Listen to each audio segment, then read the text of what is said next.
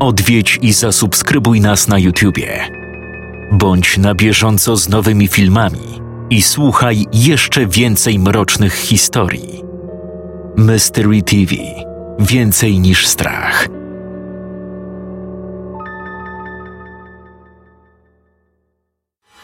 Creepy Wyzwanie.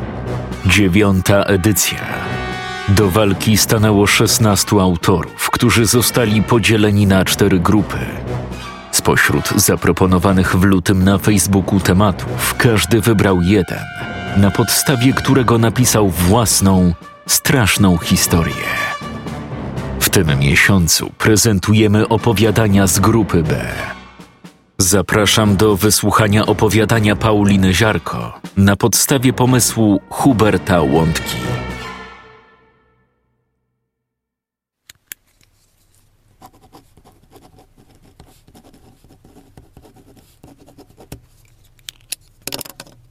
I to wszystko? Nic więcej pan nie pamięta? Żadnych personaliów tej grupki, którą mi pan opisał? Pomogłoby nam to ustalić przyczynę śmierci tych niewinnych cywilów.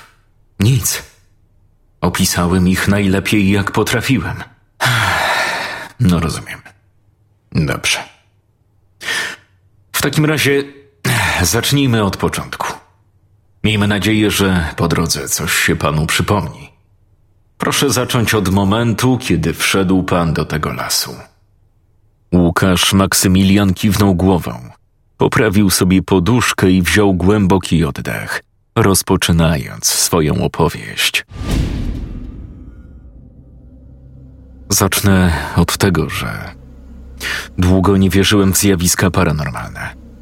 Aż do dnia, kiedy dotarła do mnie informacja o zaginięciu mojej siostry, Ady. Ada była zagorzałą dziennikarką, ścigającą jak głupia wszystko powiązane z czymś nadprzyrodzonym. I to najpewniej ją zgubiło. Zanim słuch o niej zaginął, spędzała czas w zachodniej części województwa lubuskiego. Na szczęście miała włączony GPS w telefonie, z czego ostatni sygnał pojawił się dziewięć godzin temu w lesie, kilka kilometrów od Słubic. Szedłem tak może z godzinę po czym straciłem sygnał i tym samym mapę. Zatrzymałem się, próbując znaleźć pozycję słońca ukrytego za koronami drzew. Wiedziałem, że mam się kierować na północ. Po kolejnej godzinie marszu las zaczął się zmieniać. Najpierw było bardzo gęsto, przez co część ścieżek została zablokowana.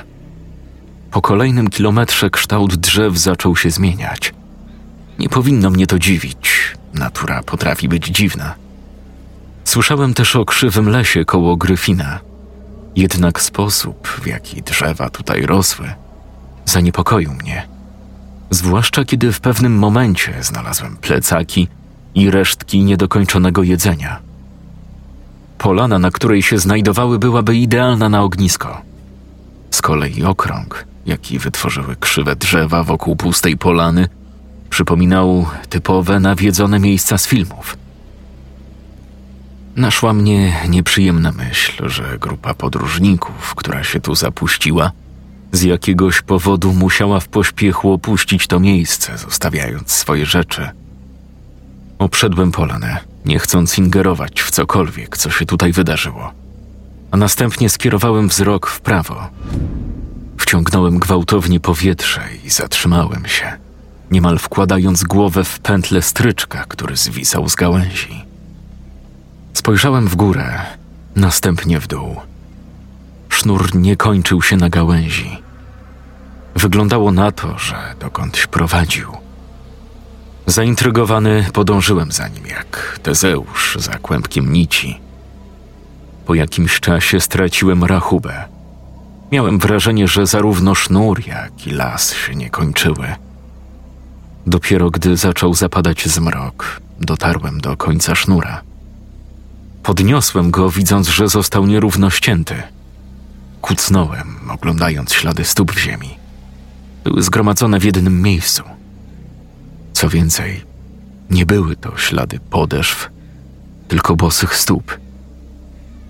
Podniosłem głowę i zamarłem, napotykając wzrokiem czyjeś pokryte błotem stopy. Zlał mnie zimny pot, kiedy zacząłem kierować wzrok coraz wyżej i wyżej. Okazało się, że.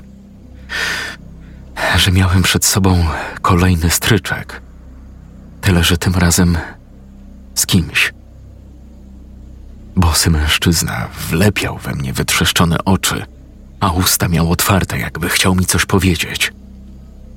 Podniosłem się chwiejnie i odwróciłem, ale za mną, a następnie po moich pozostałych stronach zsunęły się wisielce, jakby do tej pory leżały na gałęziach i czekały na moje przyjście.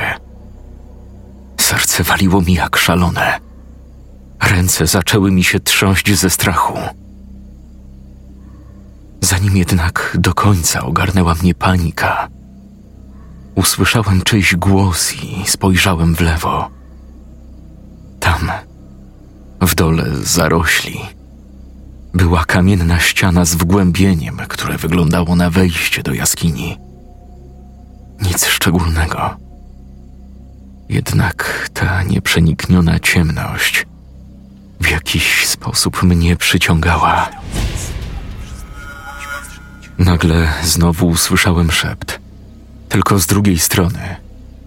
A kiedy tam spojrzałem, jeden z wisielców wyciągnął ku mnie rękę i chwycił mnie za ramię. Wrzasnąłem i upadłem na plecy, zaciskając powieki i odganiając trupa rękami. Zawsze to samo. Usłyszałem nagle rozeźlony głos i otworzyłem szeroko oczy, wpatrując się w zdecydowanie żywego mężczyznę stojącego przede mną. Rozejrzałem się. Wisielców nie było. Przeciągnąłem dłonią po ziemi. Śladów stóp i sznura również. Wstawaj! Ani grama kultury do zabytków. Wstałem pospiesznie i podążyłem za mężczyzną. Dopiero teraz zauważyłem, że miał na plecach wielki, wiklinowy kosz pełen grzybów, a w ręku kij, którym się podpierał podczas marszu. Przepraszam, chyba się zgubiłem. Jaki zabytek miał pan na myśli? Grzybiarz zatrzymał się i zerknął na mnie z podełba, po czym kiwnął głową w kierunku kamiennej ściany. To święte miejsce. Trochę szacunku. Niby z miasta, a zachowuje się jak wieśniak. Spojrzałem na wejście do jaskini. To dziwne uczucie fascynacji zniknęło. Święte miejsce? Co taki wścibski? Idź tam i wrócisz do miasta. Właśnie nie mogę jeszcze wrócić. Szukam kogoś. Ada Maksymilian. Znają pan? Była w tej okolicy jeszcze kilka godzin temu. Nie. Rzadko gościmy miastowych. Ale faktycznie od kilku dni była w wiosce taka jedna wścibska dziennikarka. Wiosce? Jak to była? Nagle poczułem gęsią skórkę, kiedy zimny wiatr uderzył mnie w plecy. Grzybiarz zmarszczył brwi, patrząc ponad moje ramię. Poczułem niepokój, ale nie odwróciłem się. Chodź ze mną. Powiedział ostatecznie i zaprowadził mnie za wzgórek, za którym kryła się niewielka wioska. Może mi pan w końcu wyjaśnić, co się stało z Adą? Zatrzymałem się gwałtownie, unikając zderzenia z piłką, którą posłały na mnie jakieś dzieciaki. Po chwili przekroczyliśmy bramę i weszliśmy na ścieżkę, prowadzącą najpewniej do jego posiadłości. Babula miała z nią więcej do czynienia. Będziesz musiał ją zapytać. Lokalna szamanka, a przynajmniej tak twierdzą ukazańcy. Ukazańcy? Kontrowersyjna grupa. Nie wcinają się w moje życie, więc mam gdzieś co robią. Dlaczego tu jesteś? Już mówiłem, muszę. Wtedy zrozumiałem, że nie powiedział tego do mnie. Odwróciłem się i zobaczyłem na oko ośmioletniego chłopca. Zdawało mi się, że to on kopnął tę piłkę kilka minut temu. Babula chce go widzieć, powiedział chłopiec, wskazując na mnie palcem. Ciarki mi przeszły po karku i zerknąłem na grzybiarza. oczekując, że nie pozwoli mi odejść. On jednak tylko pokiwał głową i machnął na mnie ręką, żebym opuścił jego podwórko. Podziękowałem mu za pomoc i podążyłem za chłopcem. Przez większość drogi milczeliśmy. Gdy miałem zapytać go, skąd babula o mnie wie, sam zadał mi pytanie, którego najmniej bym się spodziewał. Przyszedł pan po Adę? Skąd wiesz? Dużo o panu mówiła. Poza tym jesteście do siebie bardzo podobni. Znasz Adę? Jest w tej wiosce? Dwa dni temu wyruszyła w drogę z ukazańcami. Myślałem, że grzybiarz przejęzyczył się, ale znowu zeszło na tych ukazańców. A kim są ci ukazańcy? Są jedynymi, którzy zostali wybrani. Wybrani do czego? Czy to jest jakaś pieprzona sekta? Nie nazywałbym tego tak przy babuni.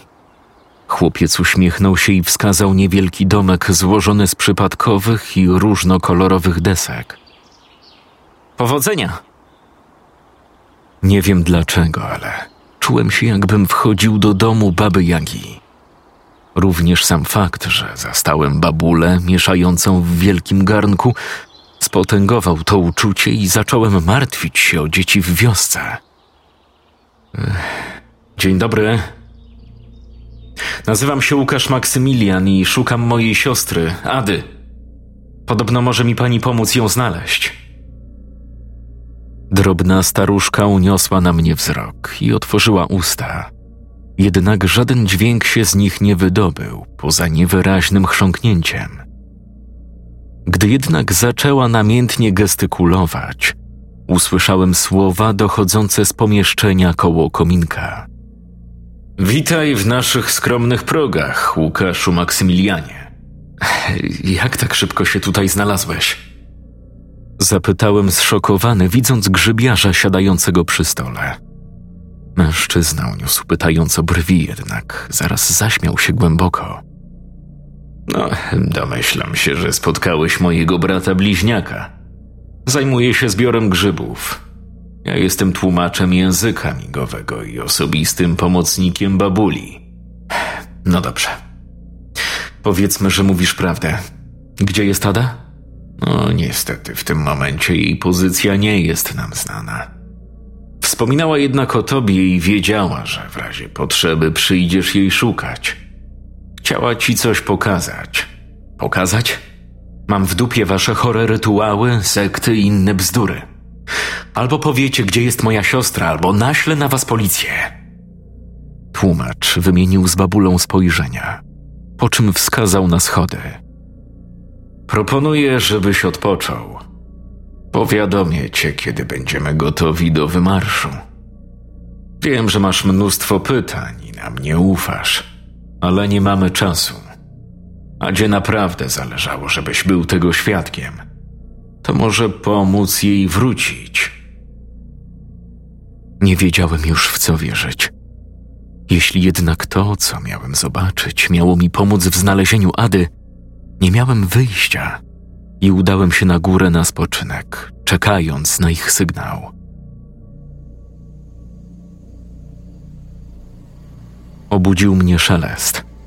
Otworzyłem oczy i usiadłem, rozglądając się półprzytomnie. Byłem z powrotem w lesie. Zapadła już noc. Moim jedynym oświetleniem był księżyc w pełni. Wyjąłem telefon i oświetliłem nim okolice, zatrzymując światło na sławnej grocie. Podniosłem się, wpatrując w nią jak zahipnotyzowany. Czy to był koszmar? A może mój pobyt w wiosce był tylko snem? Zawahałem się, ale ostatecznie postanowiłem podejść bliżej groty. Nagle usłyszałem krzyk. Zatrzymałem się gwałtownie, oświetlając ciemność przed sobą. Ręka mi drgnęła. Cofnąłem się o kilka kroków, kiedy krzyk się powtórzył. Dochodził z wnętrza groty. Nie byłem w stanie temu komuś pomóc, więc odwróciłem się, żeby opuścić ten nawiedzony las. kiedy zauważyłem, że w miejscu, w którym przed momentem leżałem, ktoś stał.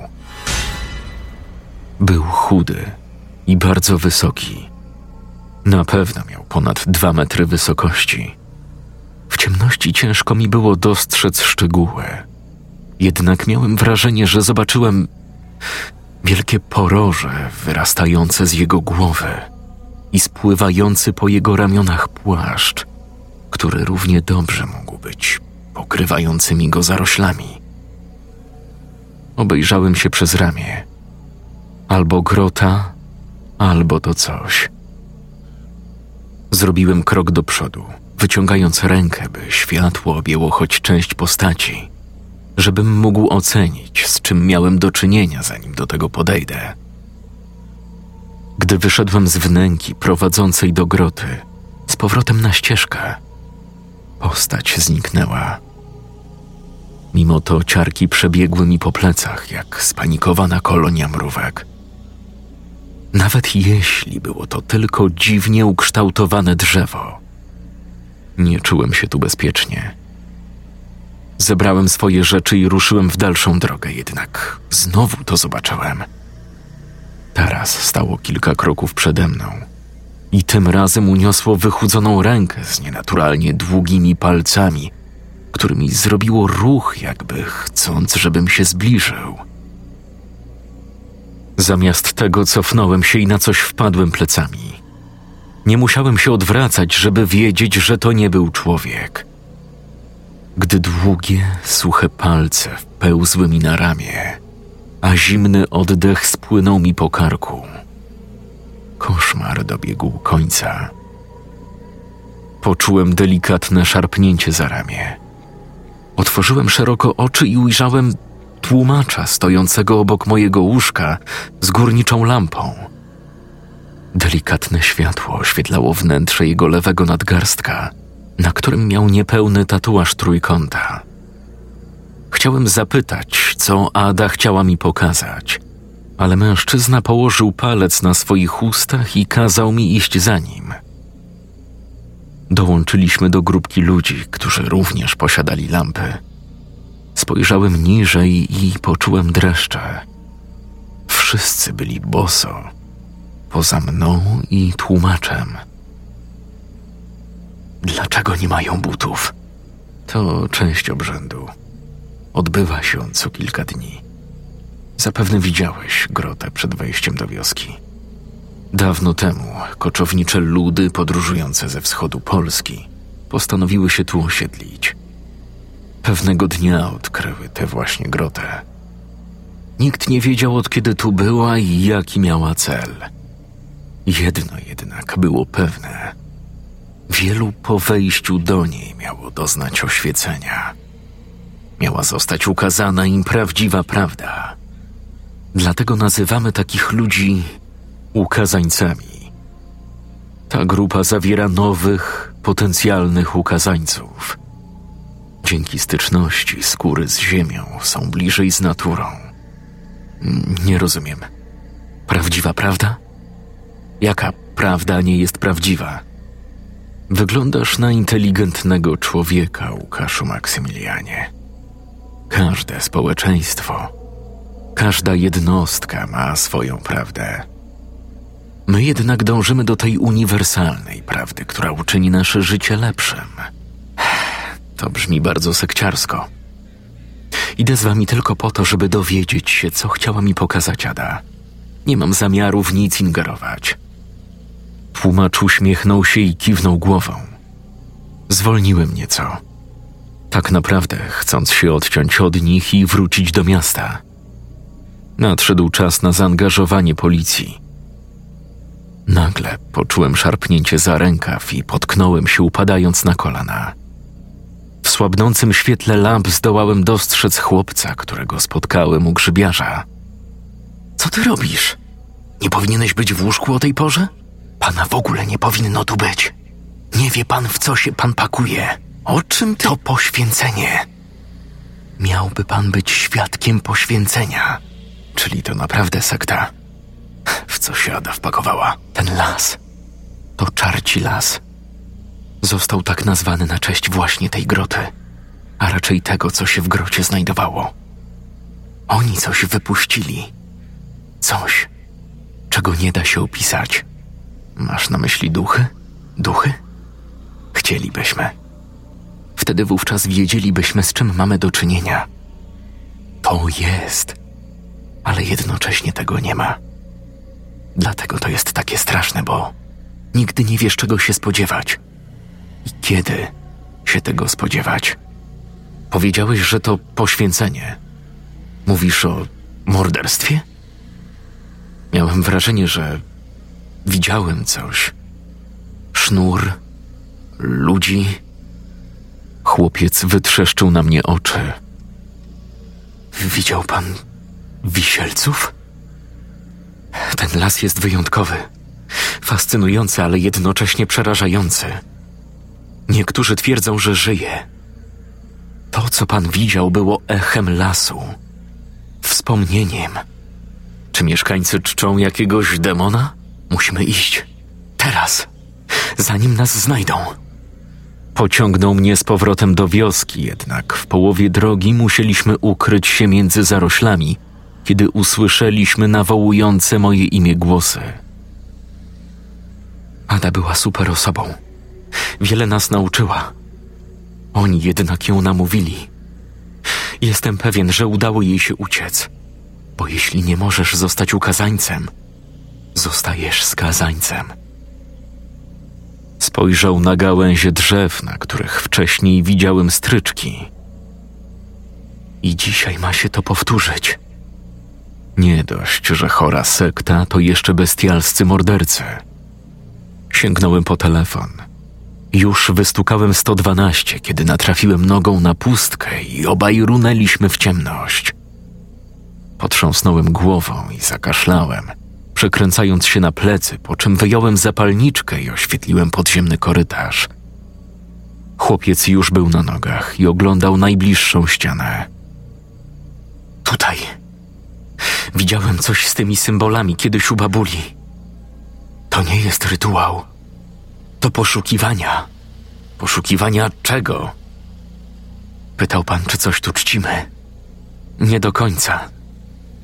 Jednak myślę, że w końcu znaleźliśmy naszą uniwersalną prawdę. Moi bracia i siostry mają dość czekania. Poczułem się po prostu źle, gdy uświadomiłem sobie, w jakiej znalazłem się sytuacji. W tym momencie usłyszałem posuwiste kroki i szepty. Odwróciłem się i oświetliłem wszystkich dwudziestu pięciu członków bosej grupki, z którą miałem dojść do groty. Poruszali się w dziwnych pozycjach i mruczeli coś pod nosami jak mantrę. Nagle wyjęli z kieszeni żyletki i podcięli sobie gardła. Nie zdołałem powstrzymać krzyku i dopadła mnie nagła słabość w nogach, przez co musiałem usiąść.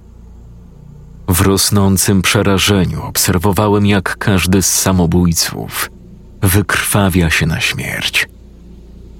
Nagle ziemia w ścianach zaczęła tańczyć, po czym wypełzły z niej czarne korzenie, pokryte substancją przypominającą olej. Korzenie te zabrały ze sobą kilka ciał z powrotem w głąb ziemi, wsysając je jak galaretki.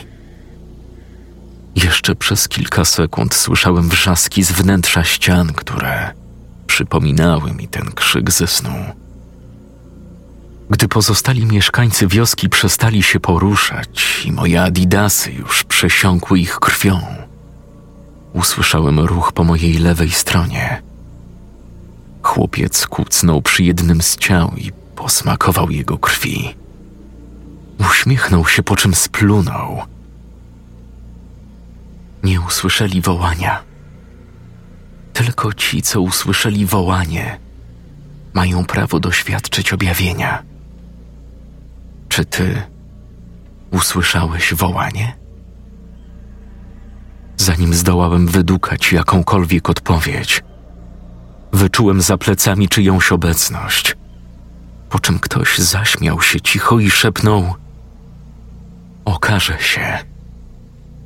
i zdmuchnął płomień zapalniczki.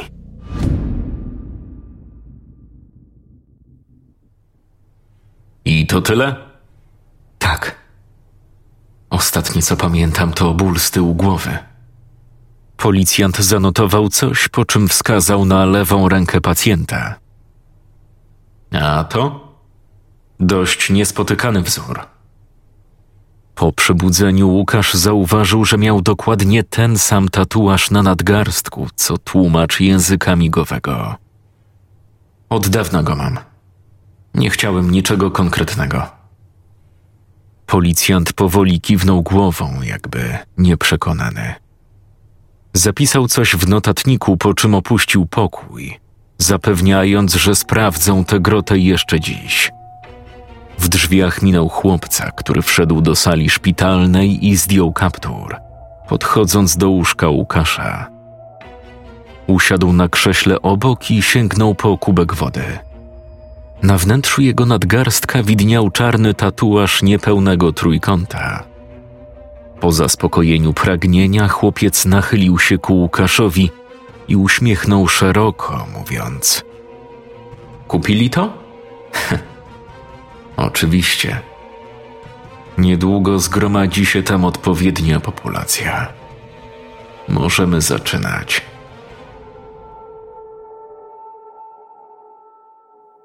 Scenariusz Paulina Ziarko. Czytał Jakub Rudka.